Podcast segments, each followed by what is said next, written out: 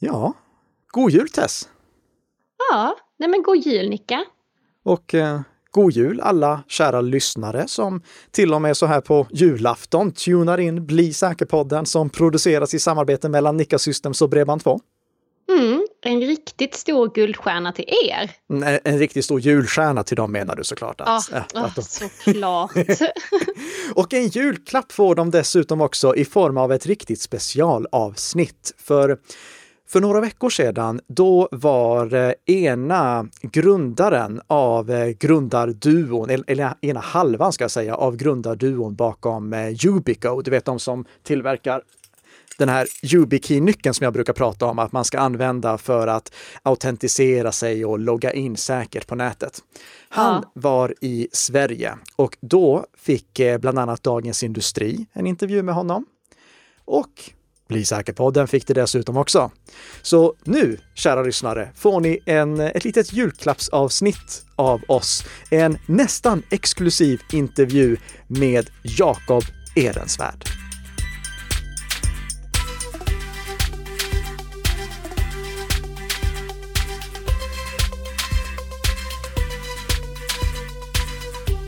Då är det äntligen dags för mig att få säga god morgon och välkommen till en av de personer som jag har sett fram emot att träffa under i princip hela min IT-säkerhetskarriär. Jag säger god morgon och välkommen till Jakob Ehrensvärd. Tackar, tackar. Och du är ju ena halvan av eh, grundarna bakom Ubico, de som gör den här inloggningssäkerhetsnyckeln som jag brukar springa runt och visa. Precis, precis. Vi- Vilken är den andra halvan?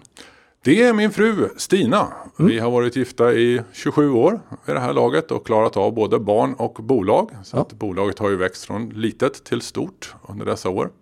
Och YubiKey har vi pratat om många gånger tidigare här i podden och eh, jag tror att våra lyssnare också är väldigt nyfikna på historien bakom, liksom hur ni kom fram till den här produkten. Vi skulle nästan kunna börja med det, liksom, varifrån kommer idén med YubiKey? Jag har ju varit i eh, IT-industrin sedan barnsben. Så att det är väl 35 år vid det här laget.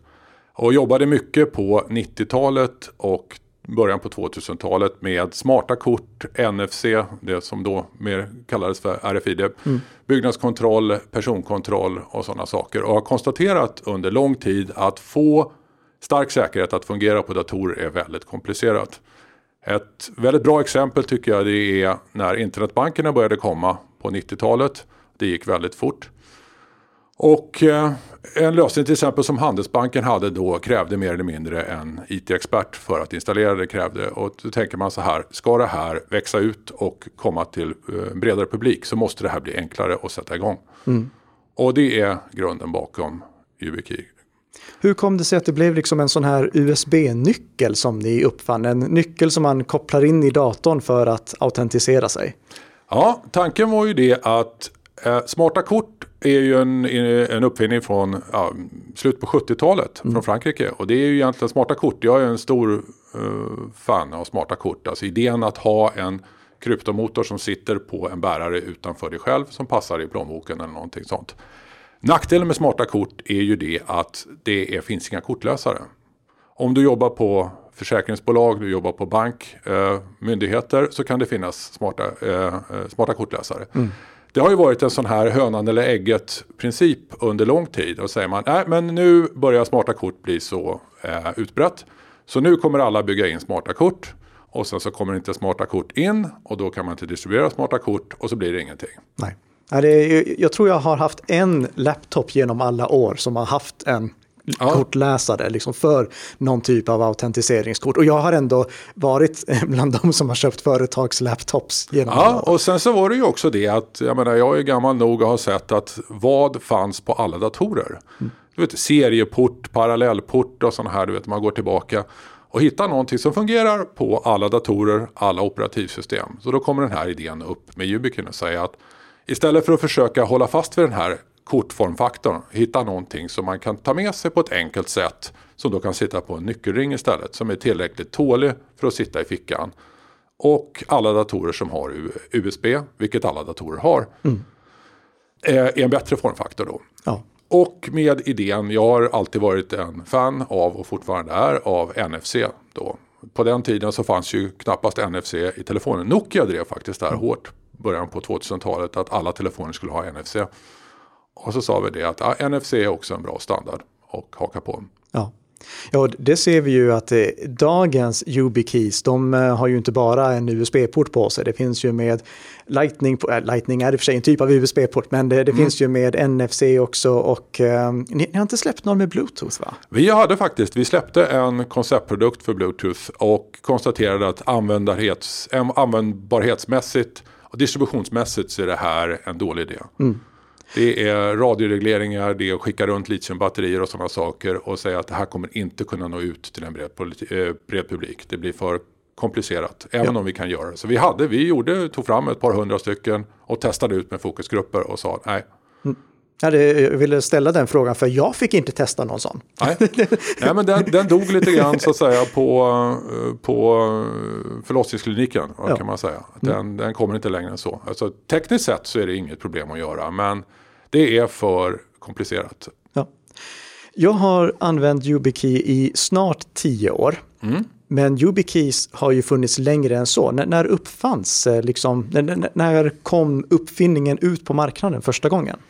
Grund YubiKeys som gjordes, vi gjorde 25 prototyper och delade ut på en säkerhetsmässa. Då var det version 1 av den här YubiKeyn som mm. skruvades ihop på köksbordet mer eller mindre. Grundidén då, det var ju att säga okej, okay, vi använder USB som finns på alla datorer. Hur kan vi få det att fungera med alla system utan att man behöver ladda in drivrutiner? För mm. det var ju det som var stora problemet med banklösningar och smarta kort. Just och få det att funka med webbläsaren. Då kom vi upp med innovationen att låt oss göra att den här emulerar ett tangentbord. Så att när du pluggar in den så tror datorn att du har pluggat in ett tangentbord till. Så skapar man engångskoder då som man skickar ut som tangent, eh, tangentinslag. Och så hittar vi på ett kodningsschema så att det fungerar med alla tangentbordslayouter då. Mm. Så det innebär att köra Mac, Windows, Linux, eh, terminalläge, webbläge, kommandoprompt. Eh, det funkar i alla lägen då. Ja. Jag måste bara fråga, den här mässan som du, du nämnde, ja. var det mässan där din fru mötte Steve Gibson? Nej, det här var då, det är någonting som heter Internet Identity Workshop. Okay. Som är, som, det var lite grann för att testa vattnet och säga, det här är ju en rätt check idé. Så vi gjorde eleganta små askar och delade ut till några, så att säga mer, det här är ju mer nördmässa, verkligen mm. supernördmässa, policy. Ja. Och eh, det fick eh, oväntat bra, så att säga, eh, genslag. Alla sa, wow, det här är ju... Mm. Så där fick vi ju självförtroendet att ta steg två då, ja. kan man väl säga. Men nu måste jag ju förklara vad det var som jag egentligen menade med min fråga här. Ja. Och det var för att eh, när jag har läst eh, tidigare intervjuer med eh, Stina, då har hon nämnt att eh, det var podcasten Security Now med eh, Steve Gibson som gjorde att eh, YubiKeys blev kända över hela världen. Ja, kan precis. Det, stämmer det? Ja, det stämmer. Då fick vi ju press också och då mm. fick vi ju det här första mässan. Det är ju mer en det är ju mer en nörd alltså som inte har någon press. Men det är, eh, det är viktigt ur policyperspektiv. Så att träffa ett antal profiler mm. som ger någon slags eh, moraliskt godkännande. Det var det som var det viktiga för den första. Så att, det här var 2008 tror jag, Security Now då. Mm. Så var det väl i princip Stina packade ihop en liten väska och åkte till Silicon Valley och träffade Steve Gibson där. Ja. Så att, bara av en ren slump också. Ja, en ren slump. Ja. Mm. Det var RSA 2008. Ja. ja. Hur gick ni egentligen tillväga för att sen få den här produkten till att slå över hela världen. Jag menar, det, det är inte längre ett litet företag med eh, köksbordstillverkning. Det, du sitter ju inte ens här i Stockholm normalt sett. Nej. Du sitter ju i Silicon Valley. Ja. Vad vi gjorde då, det var ju då Eh, gensvaret då från när vi presenterade det här på, eh, på RSA mm. blev ju oväntat stort. Så då med, eh, eh, snabbt så, så, så, satte vi upp eh, e-handel, satte upp en webbsida där man kunde beställa och se det som att det är många som vill prova det här. Mm. Och säga att det går att köpa en utan att man behöver ha något avtal med oss. Köpa en och så ser vi var det tar vägen helt enkelt. Ja. Och det var ju en det var ju väldigt framgångsrik, eh, väldigt framgångsrikt koncept. Så att Många av våra stora första viktiga kunder som till exempel Google, de köpte ju då på vår webbsida inte som säkerhetsansvarig på Google utan det var bara en donaldduck.hotmail.com motsvarande. Någon som köpte på sitt privata kort och tittade på det här och sa ja men det här var ju käckt, låt oss köpa några till. Och sen hör de av sig till oss och säger hej, jag är säkerhetsansvarig på Google, vi vill köpa. Så att det gick ganska fort där i början. Ja, Och då började ni sälja trågvis till dem istället. ja precis. Och det är ju det som jag har sett eh, också att ni har haft fokus på. Framförallt jag har sett att det är skolor som använder YubiKey. Det är många företag som använder YubiKeys. Men det har inte gått så mycket till privatpersoner än om jag har förstått det rätt. Ja, det vi hade problem med, det- var väl förväntade problem så att säga. Det här kräver ju någon infrastruktur i bakändan. Det är ju inte bara att köpa en YubiKey. Att bara för att man har köpt en nyckel så måste man hitta ett lås som den passar i också. Så att eh, vi började ju fundera på det här 2009-2010 och säga att om det här ska nå ut till en bredare publik och kunna användas för i bredare tillämpningar så måste det här integreras med webbläsaren. Ja. Och så måste det finnas någon slags standard kring det här. Så att Stina, jag är gammal nog att säga, men det är för mycket jobb. Det orkar vi inte med. Men det stoppade inte Stina kan vi ju säga. Ja, Hon sa, vi flyttar till Silicon Valley och så börjar vi påverka de stora. Och jag klippte lite grann med ögonen och sa, det blir en lång resa. ja, Men det måste ha varit skönt att i alla fall ha, ha Google med sig där. Att Ja, alltså- Google förstod storheten i det. Ja, alltså det, som, det, det här som blev U2F och så sen blev Fido och som sen växte ut är WebAuthn. Vi har ju varit drivande bakom det. Vi fick en förfrågan från Google när de hade köpt nycklar för internt bruk om en generation 2. Och då presenterade vi våra idéer kring hur man kunde göra med asymmetrisk kryptering och digitala signaturer. Och då sa de perfekt, det här tar vi. Det var sådär nästan handslag på ett möte. Och då sa vi till dem under det här projektets gång, det var bara för internt bruk då. Och då sa vi, tänk om vi kunde bygga, för det här måste ni integrera med webbläsaren. Och det var då via en extension. Och sa vi, tänk om det här kunde bli en del av webbläsaren. Då har det här förutsättningar att bli en, en mycket större standard. Ja. Och de sa, ja, men det kan vi väl göra. Och så gjorde de ju det. Så de släppte ju stöd inbyggt i Chrome 2013. Och då var ju så att säga, om man ska säga, då var ju ett omöjligt mål nått kan man ju säga. Ja. Och idag så är ju, eh, vi kan egentligen dela upp det, så vi kan både prata om eh, YubiKey som eh, lösenordsfri inloggning och för tvåfaktorsautentisering. Låt oss börja med tvåfaktorsautentisering, för tidigare i podden då har vi sagt att det är obligatoriskt att använda tvåfaktorsautentisering. Den sämsta metoden är sms-metoden, även om den är bättre än ingen så är det den sämsta. Lite bättre det är att använda de här apparna som genererar sexsiffriga koder. Men bäst av allt, det är att använda en säkerhetsnyckel.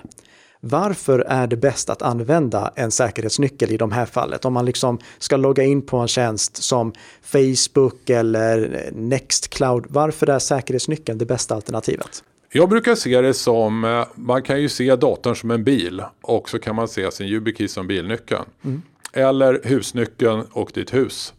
Att man ska inte bygga in säkerhetslösningen i bilen. Man ska inte sätta fast eh, bilnyckeln i låset. Och, eh, utan man ska ha den med sig. Och man ska ha sina privata nycklar på en enhet som är utanför sin dator. Så att ingen kan komma åt din privata nyckel. För din privata nyckel är ju ditt DNA i det här säkerhetsinfrastrukturen. Och den ska alltså inte ligga på disk. Den ska inte ligga åtkomlig för någonting. Så att någon kan komma åt och stjäla din. Utan en bra säkerhetslösning ska ha vad jag kallar singularitet. Det ska bara finnas ett exemplar av din privata nyckel. Finns det två exemplar så kan det, det värsta som kan hända det är att någon har en kopia av din privata nyckel och använder den i ditt namn. Och du vet inte.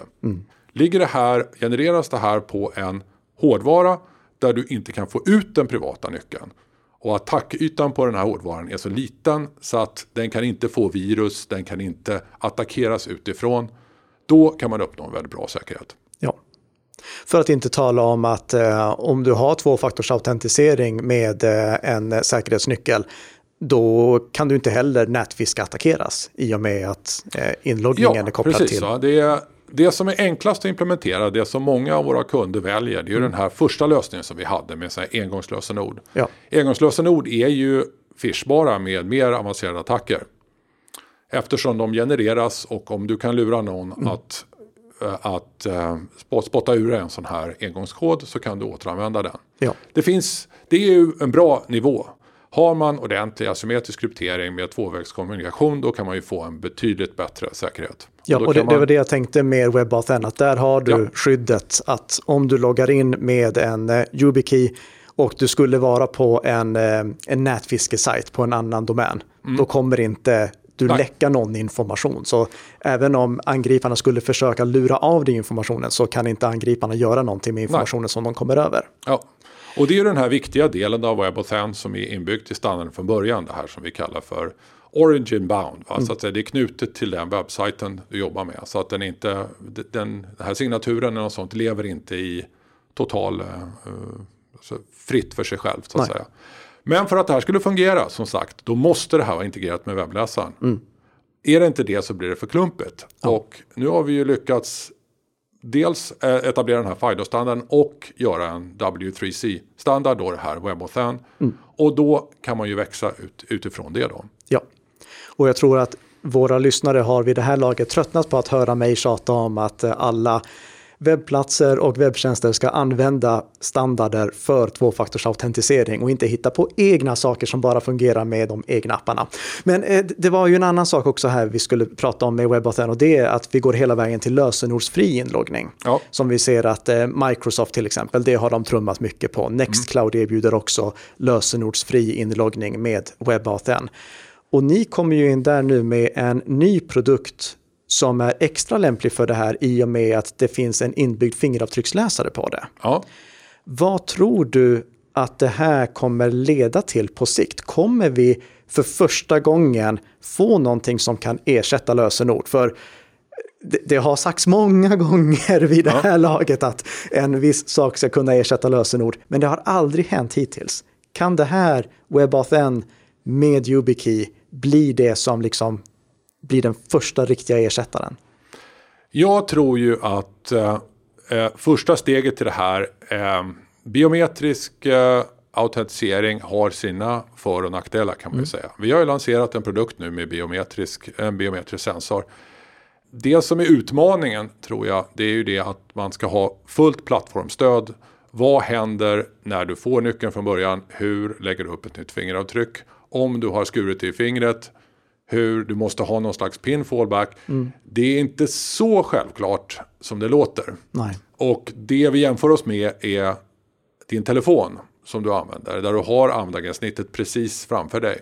Där man kan skapa en väldigt bra eh, användarupplevelse. Och telefonen har ett högt pris så du kan skapa en bra fingeravtryckslösning som en del av telefonen. Att göra motsvarande sak på en säkerhetsnyckel som ska kunna distribueras i stora volymer till ett lågt pris är en helt annan utmaning kan man ju säga. Så jag tror att det här kommer vara i två steg då egentligen. Att där du, ditt lösenord är inte phishingkänsligt utan det används för att låsa upp din nyckel. Du kan ha ett lägre komplexitet, du kan ha ett lösenord för din nyckel. Och sen använda någonting som en YubiKey till exempel. Är ett väldigt bra steg. Det är inte helt passwordless men det är nästan passwordless. Ja. Sen har vi ju ett problem till som du var inne och snudda eh, på när du nämnde det här med att eh, din privata nyckel, och nu syftar vi alltså inte på en fysisk nyckel utan vi, vi syftar på en långsifferkombination.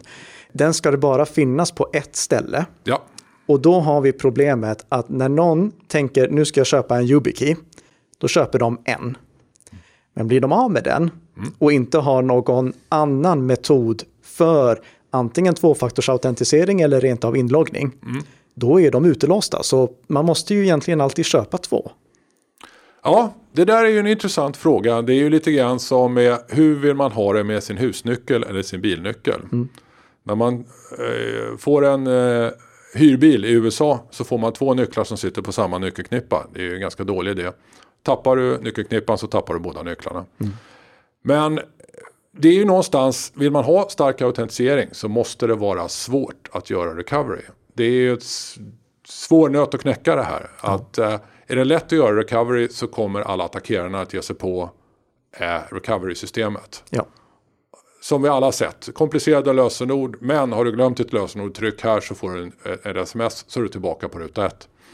Så att jag absolut tror att man ska ha två nycklar och så ska man kunna lägga upp nya. Med hjälp av en nyckel så kan man lägga upp flera identiteter. Varför säljer ni dem inte i tvåpack då? Ja, det, jag får gå tillbaka till produktavdelningen. Vi sålde dem faktiskt. Vi hade vita nycklar ett tag. Vi sålde dem i par eh, eh, vitt och svart. Just av den orsaken kan man säga att man... Och det, det, ja, det är bra, bra tips. Och vill ni veta mer om det här med problemet med utelåsning så har vi ett avsnitt om just det. Alltså varför eh, i, det avsnittet så säger jag att det är inte svårt att få till säker autentisering. Det svåra är att få till säker autentisering som inte går att kringgå genom någon återställningsmetod. Vi lägger ett, eh, en länk i våra show notes till det avsnittet så kan ni lyssna på mer där också när jag testar Microsofts lösning och försöker låsa ute mig själv. Om vi tänker lite större, alltså inte bara på oss som eh, jobbar med it-säkerhetsfrågor och våra lyssnare som är intresserade av it-säkerhetsfrågor. Hur ska en sån här säkerhetsprodukt kunna komma ut på stora marknaden när det inte finns någon befintlig efterfrågan från kunderna? Alltså en vanlig kund kommer inte förstå, en vanlig privatperson kommer inte förstå varför han eller hon ska köpa en sån här nyckel. Jag tror att det här är en gradvis process. Och Mm. ja, visionen bakom det här har ju hela tiden varit att se det här som ett pass snarare. Eller ett körkort. Eller ett simkort till en telefon. Va? Att det är, ligger i kundens eget intresse att ha en sån här produkt. Istället för att man, ens egen bank skickar ut en bankdosa till dig. Och man rynkar på näsan och säger vad ska jag med den här till? Så går man och köper den här själv för ett rimligt pris och sen så använder man den här till flera tjänster. Det ligger i högsta grad i ditt eget intresse att ha en sån här produkt. Och Men- sen kan du då koppla upp den här mot flera tjänster. Men bankerna är ju inte med på WebAuthn-tåget. Inte en enda av de stora, eh, av de svenska storbankerna erbjuder inloggning med WebAuthn. Nej, alltså svenska bankerna är ju intressanta för de valde ju en för tiden väldigt stark lösning då när internetbankerna på 90-talet började öppna. De hade ju de här bankdoserna och i vissa fall smarta kort. Eh, vilket är en fortfarande rimlig lösning men det är ju 25 år sedan. Tidigare så bankerna är lite tröga och tittar på nästa steg. Nu har det blivit en mellanlösning här i Sverige med mobilt bank-id som är både bra och kanske mindre bra, lite beroende på hur man ser det. Jag menar, det som är bra är att många får tillgång till en starkare lösning. Men man skulle ju gärna vilja se någonting som är bredare, som inte ägs av en, eh, eh, en enhet i det här fallet. Utan att det, det kan, och det kan skala utanför landet. Ja. BankID är ju väldigt skandinavisk lösning kan man väl säga, svensk lösning då. Ja. Hur ser det ut i USA? Finns det banker där som tillåter inloggning med eh, WebAuthn? Det börjar ju komma nu. Det som är intressant när man flyttar från Sverige till Kalifornien är att inloggning till min bank idag sker med användande av lösenord. finns inga alternativ. Jag blev ju chockad första gången jag betalade en hyra. Och sen så loggar man in på banken med användaren och lösenord, lägger upp ett konto och så skickar man ut ett par tusen dollar till ett okänt konto. Ingen sms, inga säkerhetstoken, ingenting, användaren och lösenord. Det här är alltså landet som också envisades länge med att eh, använda magnetremsan på eh, betalkorten. Jag Ja, och checker används fortfarande. Det- Men man kan nog säga som så att i USA nu så nu måste de ju göra någonting. Ja. Så att jag tror att amerikanska banker är betydligt mer eh, mottagliga för att nu så börjar det rullas ut stöd för, på vissa banker för WebAuthn. Ja. Och då skapar den här möjligheten att du köper en nyckel, du äger nyckeln, du äger din egen, egen identitet. Så går du in och så associerar den här nyckeln med ditt konto. Ja. För att det här då ska kunna slå igenom i Sverige, då skulle ju bankerna behöva vara med på det också. Kommer det finnas något intresse från de svenska bankerna att gå med på en global standard? Ja, det är ju liksom frågan lite grann. Svenska banker har ju varit, varit, varit väldigt svenska om man så säger. Alltså Sverige var ju väldigt pådrivande på 90-talet för en digital infrastruktur. Med till exempel SACE och SET-standarden. det här idén om att göra eh, eh, säkra elektroniska transaktioner. Det var, ju, det var ju lite före sin tid då, på 90-talet. Men det var ju med smarta kort och då skulle man etablera en stark infrastruktur och så trodde man ju väldigt hårt på det här med e-id. Mm. Nu är det väl lite sådär, återigen de här, BankID är ju någon slags eh, de facto-lösning här i Sverige och som de flesta använder. Och det är ju svårt att säga vad är nästa naturliga steg efter BankID eller vad är nästa naturliga utvecklingssteg för BankID. Mm. Att det nödvändigtvis inte är någonting som ägs av bankerna utan det här är kanske en mer spridd. Eh, eh, man använder sig av en mer etablerad standard som också funkar internationellt. Ja. Skulle du kunna säga att eh, inloggning med WebAuthn och en YubiKey är lika säkert som mobilt BankID? Ja, med risk att trampa någon på tårna skulle jag ju säga att det är betydligt säkrare. Det är ju det att återigen eh, lösningar i mobilen är ju ett nyckelpar som skapas i telefonen som är en miljö som kanske inte alltid är så säker som den eh, framstår. Mm. Även om man försöker ha tekniker som som olika former av applikations, eh, man separerar applikationer, man har secure enclaves och sådana saker. Mobilen är en stor attackyta att eh, det kommer att finnas säkerhetshål i de här lösningarna. Eh, och din mobil är uppkopplad jämt. Mm. Och det är ett mjukt certifikat som ligger i någon form av secure enclave i din, i din telefon. Per definition så kommer det bli mindre säkert. Ja. Och det är kopplat till din telefon. Tappar du din telefon så måste du skapa ett nytt. Och hur ser den proceduren ut när du byter från en telefon till en annan? Ja. Då är man lite tillbaka på det här samma problem igen då. Så då skulle man egentligen vilja kombinera fördelen av mobilt bank-id att ha liksom det, det, grafiska, att du ser vad det är du godkänner med mm. någonting som är utanför mobilen för ja. att göra själva signeringen. Det är ju alltså en ganska rolig parallell är ju det att um, i början på 2000-talet så drev man ju den här idén om elektroniska, så att säga simkort behövs ju egentligen inte i telefoner. Det har inte behövts under lång tid. Men det är en väldigt praktisk distributionsform. Mm. Så simkorten är ju lite grann som en eh, du kan ta ut simkortet ur en telefon och stoppa in det i en annan telefon och sen så har du ditt telefonnummer i den nya telefonen och den gamla telefonen är inte användbar längre. Mm. Lite grann samma koncept. Man kan säga att en YubiKey är ju som ett mobilt simkort kan man säga. Eh, det är alltså ett som du kan sätta i nyckelknippan istället. Ja. Och som är utanför telefonen. Precis. Och du kan använda det till din dator, du kan byta dator, du kan ha en jobbdator och du kan ha flera datorer. Och du kan vara timanställd och eh, logga in på en kassaterminal. Så att det behöver inte vara knutet till eh, din egen dator. Idag ser man ju väldigt mycket datorn som ditt eget, din egen, eh, alltså telefonen är ju privat idag. Mm. Och din dator är ju ofta privat. Men i många arbetsplatser så är datorn inte privat. Och då ska man säga, ska då den här informationen ligga på en dator som du inte har kontroll över? Ja. Det är ju förmodligen inte så lämpligt då. Och om du då blickar avslutningsvis tio år fram i tiden, har vi då löst det här autentiseringsproblemet? Har vi då säker autentisering överallt? Eller envisas vi fortfarande med användarnamn och lösenord i kombination med tio stycken olika tvåfaktorsautentiseringsmetoder som ingen har en aning om hur det egentligen fungerar? Det som är nytt nu som man ska nog hålla ögonen öppna för det är ju de plattformsägarna, alltså Apple, Google, Facebook och Twitter och alla som försöker bli din digitala identitet. De mm. vill att du ska använda ditt Twitterkonto eller ditt Facebook-konto eller ditt Google-konto, iCloud-konto som ankaret för allting.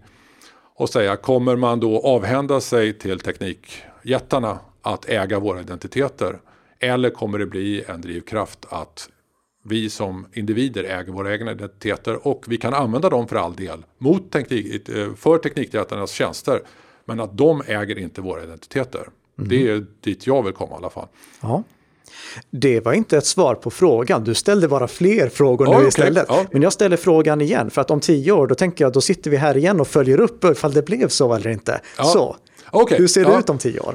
Lösenorden kommer ju inte försvinna över natt. Det är ju så, det är ju så invant system och det är så många system som är byggda kring lösenord. Men problemet är börjar bli så pass akut mm. och vi som individer att ha otroligt många webbsidor med olika inloggningspolicy och byta lösenord och 12 tecken med blandat stort och litet och olika lösenordshanterare som byter ägare och så tappar man bort något. Det, det fungerar inte. Så att någonting kommer att hända och ja, men förhoppningen är ju då som jag ser att om man går mot en hårdvarubaserad lösning som även funkar utan någonting som är YubiKey så är WebOSN den bästa kandidaten skulle jag nog säga nu. Jakob Ehrensvärd, tack så jättemycket för att du tog dig tid att medverka i Bli säker-podden. Vi är självfallet tillbaka nästa vecka igen. Tack för att du har lyssnat och på återhörande.